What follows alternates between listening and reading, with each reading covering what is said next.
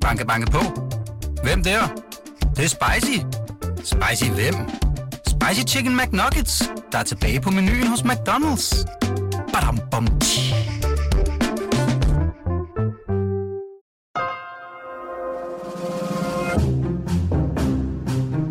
Du lytter til Weekendavisen. Jeg sidder her i en lejlighed i Nyhavn, som jeg har lånt af nogle af mine venner, fordi min kæreste og jeg er gået fra hinanden for nylig, og jeg er i den her lidt mellemsituation, hvor jeg skal flytte ud om nogle uger, og det hele er lidt kaotisk og mærkeligt, og sådan midt i, midt i et brud, før en ny normal tilstand ligesom er indtruffet. Og på en måde så føles det som en undtagelsestilstand at være i, og på den anden side så føles den her forvirring bare som en ekstrem version af noget, som jeg er i hver eneste dag i mit liv. Velkommen til Følelsernes Vold. Mit navn er Linnea Maja Ernst, og jeg arbejder som kulturjournalist på Weekendavisen, og jeg også er anmelder. I den her podcast, øh, der skal vi tale om følelsernes potentiale, hvad der sker, når vi tager vores følelser alvorligt. I hvert afsnit tager vi udgangspunkt i en markant, besværlig følelse, og i nogle værker, som på en interessant måde øh, undersøger den her følelse, eller vækker den i sit publikum.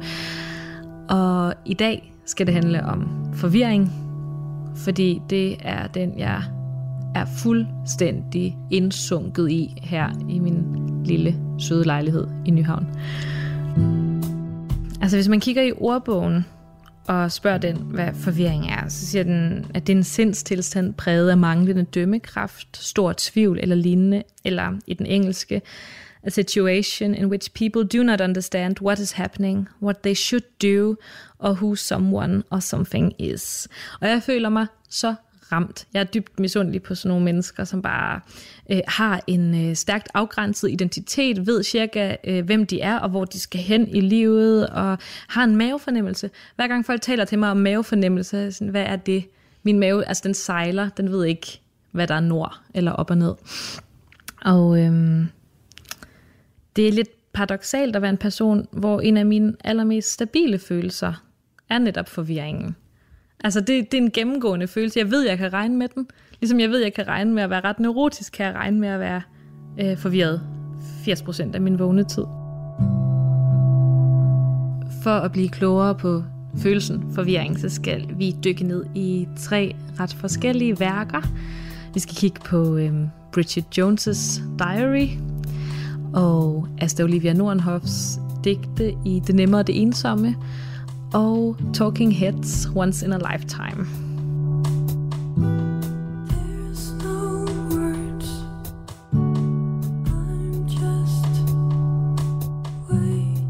Øhm, der er en følelseshistoriker, der hedder Rob Buddies, som skriver, at vi i dag lever i en meget følelsesmæssig tid. Altså den yngste, de yngste generationer er enormt meget i kontakt med deres følelser, og taler også om sig selv som emotional. Men det han siger, som er ret spændende, det er, at, at vi mangler i høj grad et specifikt sprog for det. Vi kan godt sige, at vi er følelsesstyrede, men ikke hvad det er for nogle følelser. Altså er det vemod, jeg føler? Er det skadefryd? Er det raseri? Eller er det bare irritation? Eller sådan, altså, vi mangler den her udviklede, øh, det udviklede ordforråd for vores følelser. Og det synes jeg er rigtig spændende. Så fandt jeg et, øh, et, et redskab, der hedder The Wheel of Emotion.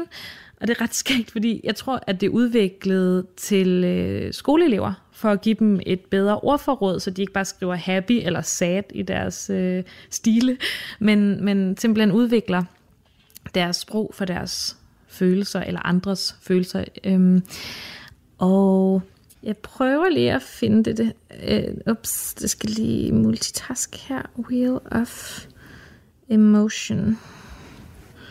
Okay, det er ret sjovt, fordi det er et øh, diagram over følelser, som er øh, cirkler inde i andre cirkler.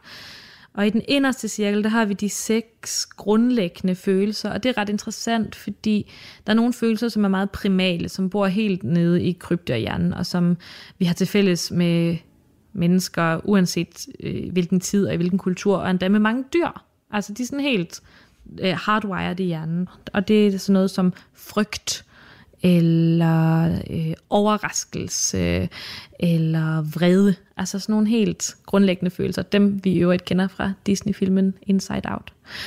Øhm, og det man så kan gøre, det er at se, at vi finder for eksempel forvirring øh, i en, en, en ydre cirkel, og det er en... Øh, en nuancering af den følelse, der hedder overraskelse. Det synes jeg er ret interessant. Og man kan så også se, hvordan at følelserne ligger ved siden af de følelser, som de ligner.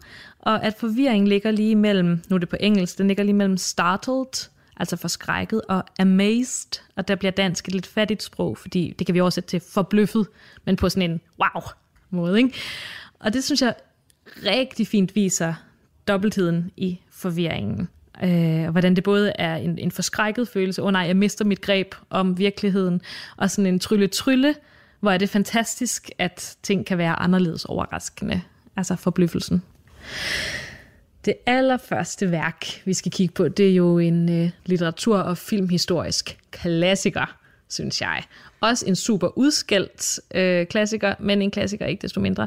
Det er Bridget Jones' Diary, og vi skal se øh, filmudgaven. Og vi skal tale om en bestemt type af forvirring, som er i den uskadelige ende af skalaen, vil jeg sige. Det er den her øh, flyvskhed, som man kunne tale om, eller det distræte, eller det, åh oh, nej, mit liv hænger ikke helt sammen, og jeg kan ikke åbne e-boks uden at begynde at græde forvirringen. Øh, og vi starter med et klip fra filmen.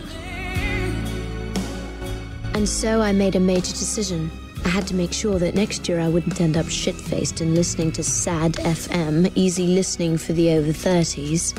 I decided to take control of my life and start a diary to tell the truth about Bridget Jones. The whole truth. Resolution number one. Obviously, we'll lose £20. Number two, always put last night's pants in the laundry basket. Equally important, we'll find nice, sensible boyfriend to go out with and not continue to form romantic attachments to any of the following alcoholics, workaholics, commitment phobics, peeping toms, megalomaniacs, emotional fuckwits, or perverts. And especially will not fantasize about a particular person who embodies all these things. Og så kommer Hugh Grant.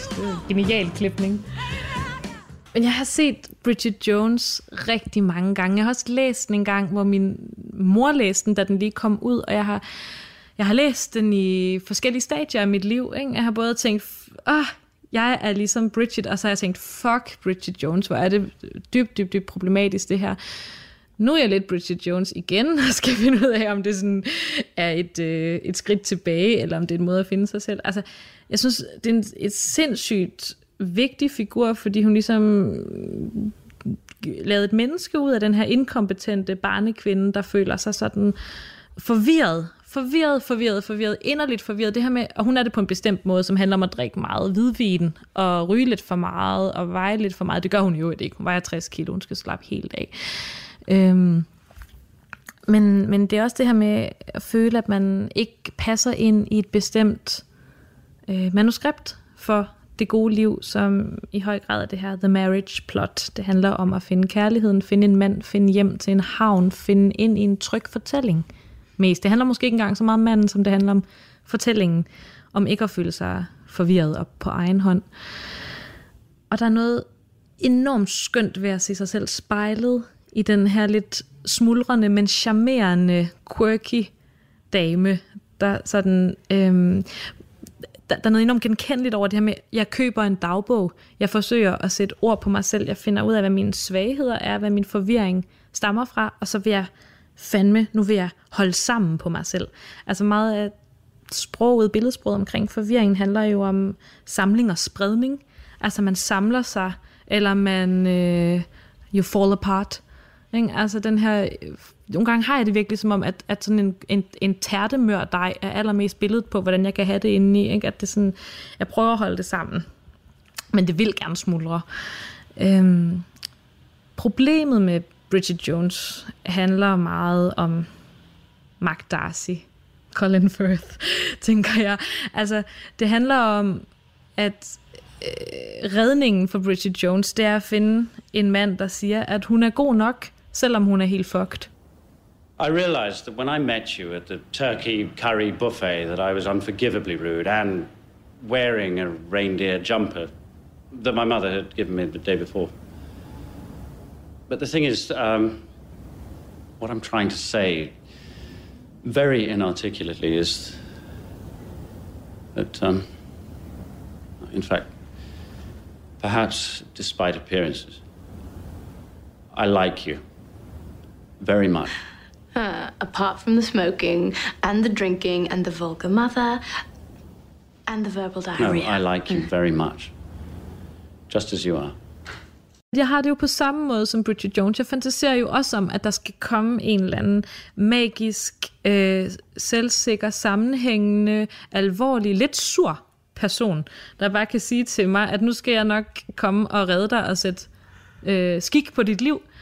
Og det, mm, jeg tror sgu, det er en fantasi. Jeg tror, det er den samme fantasi, som i, det ved jeg ikke, Fifty Shades of Grey, hvor man forestiller sig, at der kommer en eller anden bisse, som har styr på sit liv og går i jakkesæt, mens man selv ikke kan finde ud af at vaske sit tøj på de rigtige temperaturer. Og øh, siger, at, at du behøver ikke være forvirret, eller du kan være forvirret, mens jeg er din fornuft. Og det, der er rigtig spændende, det er, at hvis vi overhovedet skal forstå, hvad følelser er, eller tale om, hvad følelser er, hvor sidder de henne? Er det tanker, er det fysik osv., er det nerver? Altså, en måde, vi i hvert fald forstår følelser i kulturen, det er at forstå det gennem et modsætningsforhold. Følelser over for fornuft, er, altså det emotionelle over for det rationelle. Og det bliver hurtigt en rigtig etisk, problematisk skildring, fordi det tit bliver til en nedvurdering af det emotionelle over for det rationelle. Og det handler tit om nogle bestemte befolkningsgrupper. Historisk set, så har det været mænd, der har været rationelle, mens kvinder har været i deres følelsesvold. Voksne har været øh, fornuftsvæsener, og børn har været følelsesstyret.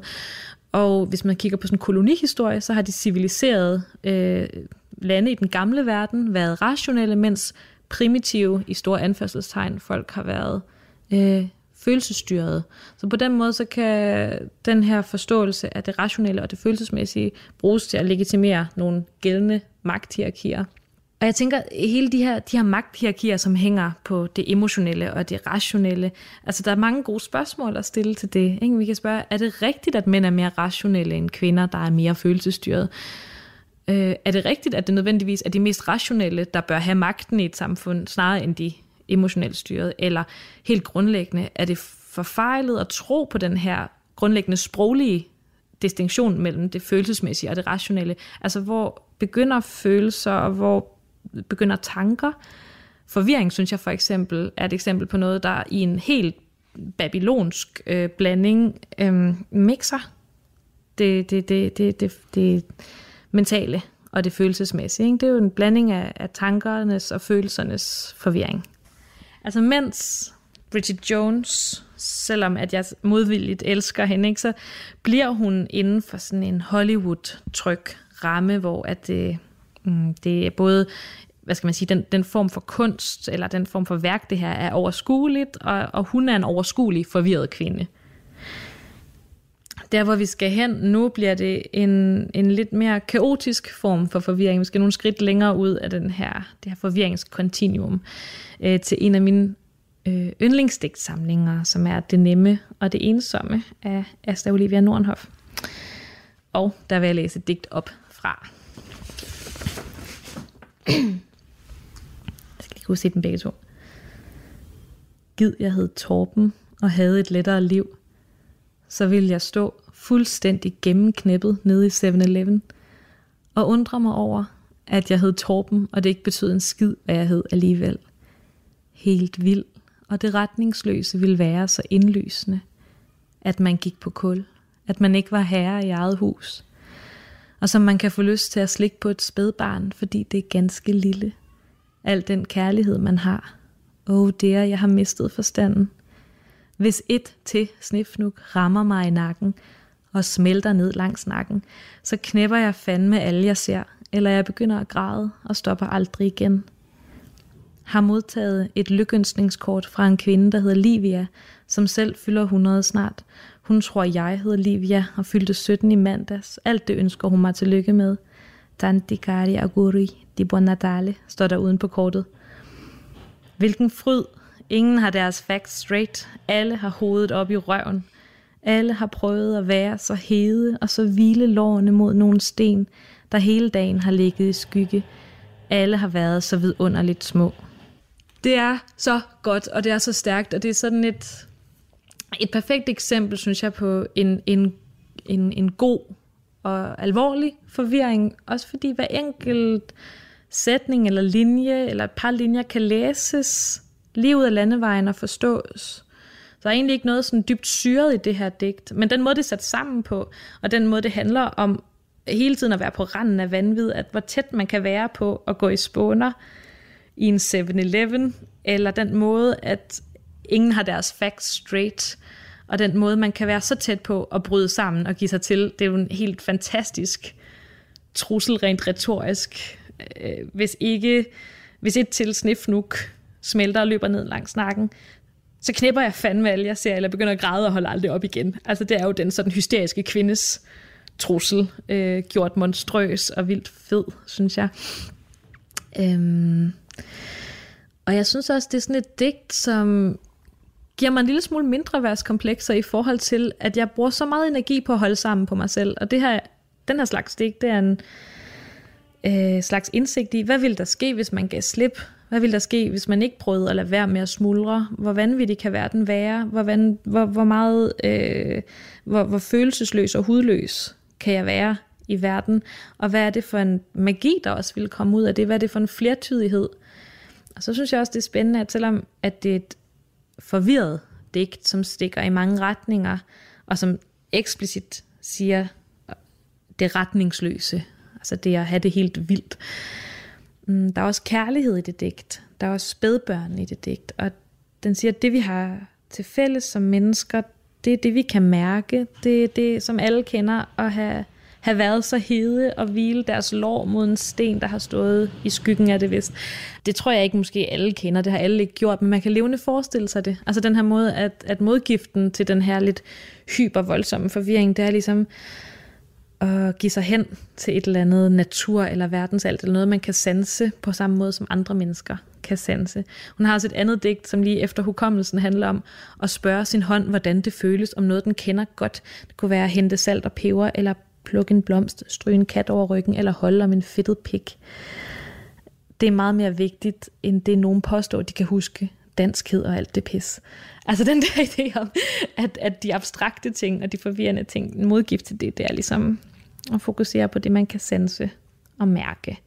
Og så synes jeg også, noget der er interessant ved den her forvirring, hvor at Bridget Jones' forvirring er lidt nuttet og betuttet og gør sig lille, så synes jeg, at den her forvirring, som findes i det nemme og det ensomme, det er ikke en forvirring, der bliver forsvarsløs. Det er en forvirring, der bliver aggressiv og vil slås, og der kommer et eller andet subversivt potentiale i, at jeg vil, øh, jeg vil bare være kaotisk, i stedet for ligesom at prøve at frisere sig selv.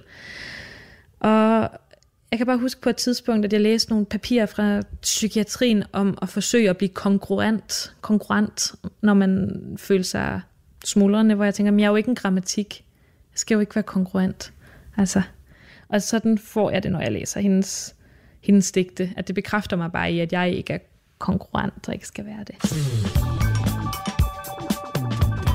Det sidste værk, vi skal kigge på, det er Once in a Lifetime, som er en sang af Talking Heads.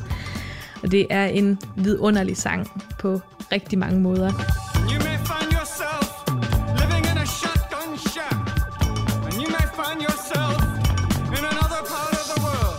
Det er som om, i stedet for at være i opposition til det kedelige eller banale øhm, amerikanske middelklasseliv, så er den her sang en form for sådan meditation over det, eller den måde at opløse de her billeder, som vi kender.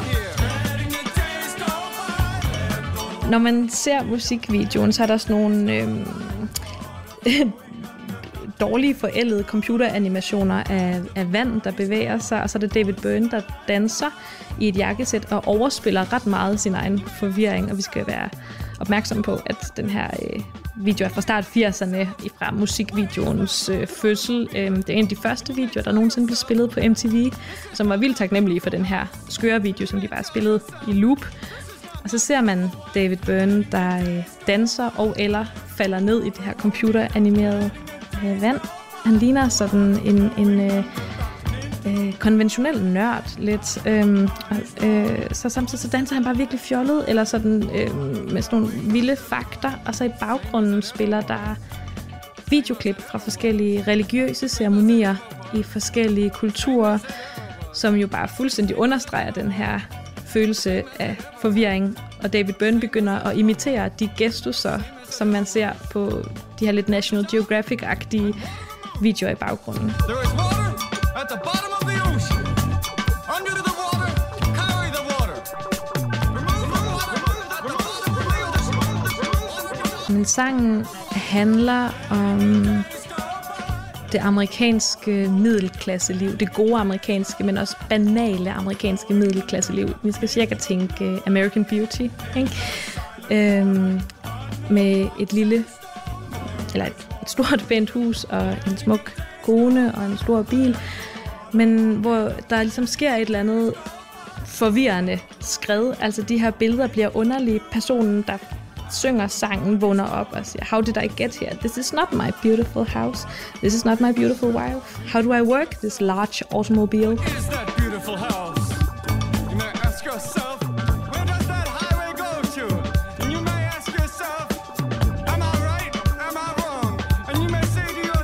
Også bare det her med this large automobile i stedet for car det skaber jo også en fremmedgørelseseffekt, ikke? hvor vi pludselig bliver nødt til at tænke på de her objekter, som er velkendte, som underlige.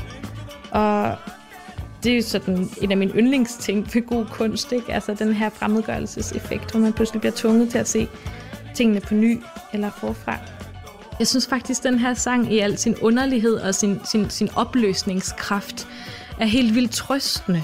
Den er jo, fordi den er i en forvirring, som jeg kan spejle mig i, men den er også meget sådan, hvilken fryd, der kommer af at lade ting sejle eller bryde lidt sammen, eller for eksempel øh, billedet af det gode liv som et, et, et familieliv i et lille hus, der, der sejler. Altså det her med at få, øh, få, få, få brudt nogle billeder ned. Altså, men også bare den måde, den åbner for en, en weirdness. Den måde, den er så... Øh, verden bliver så rig i det her billedsprog, og i den her måde at, at, at være i sin forvirring.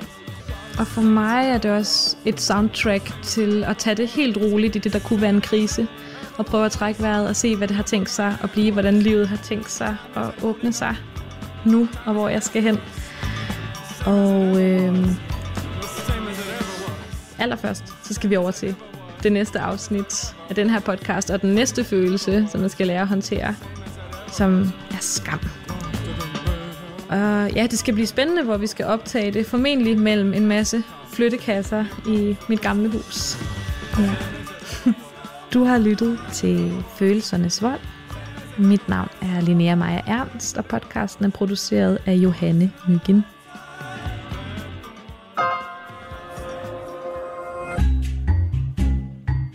Du lytter til Weekendavisen. Hør alle udsendelser på weekendavisen.dk-podcast.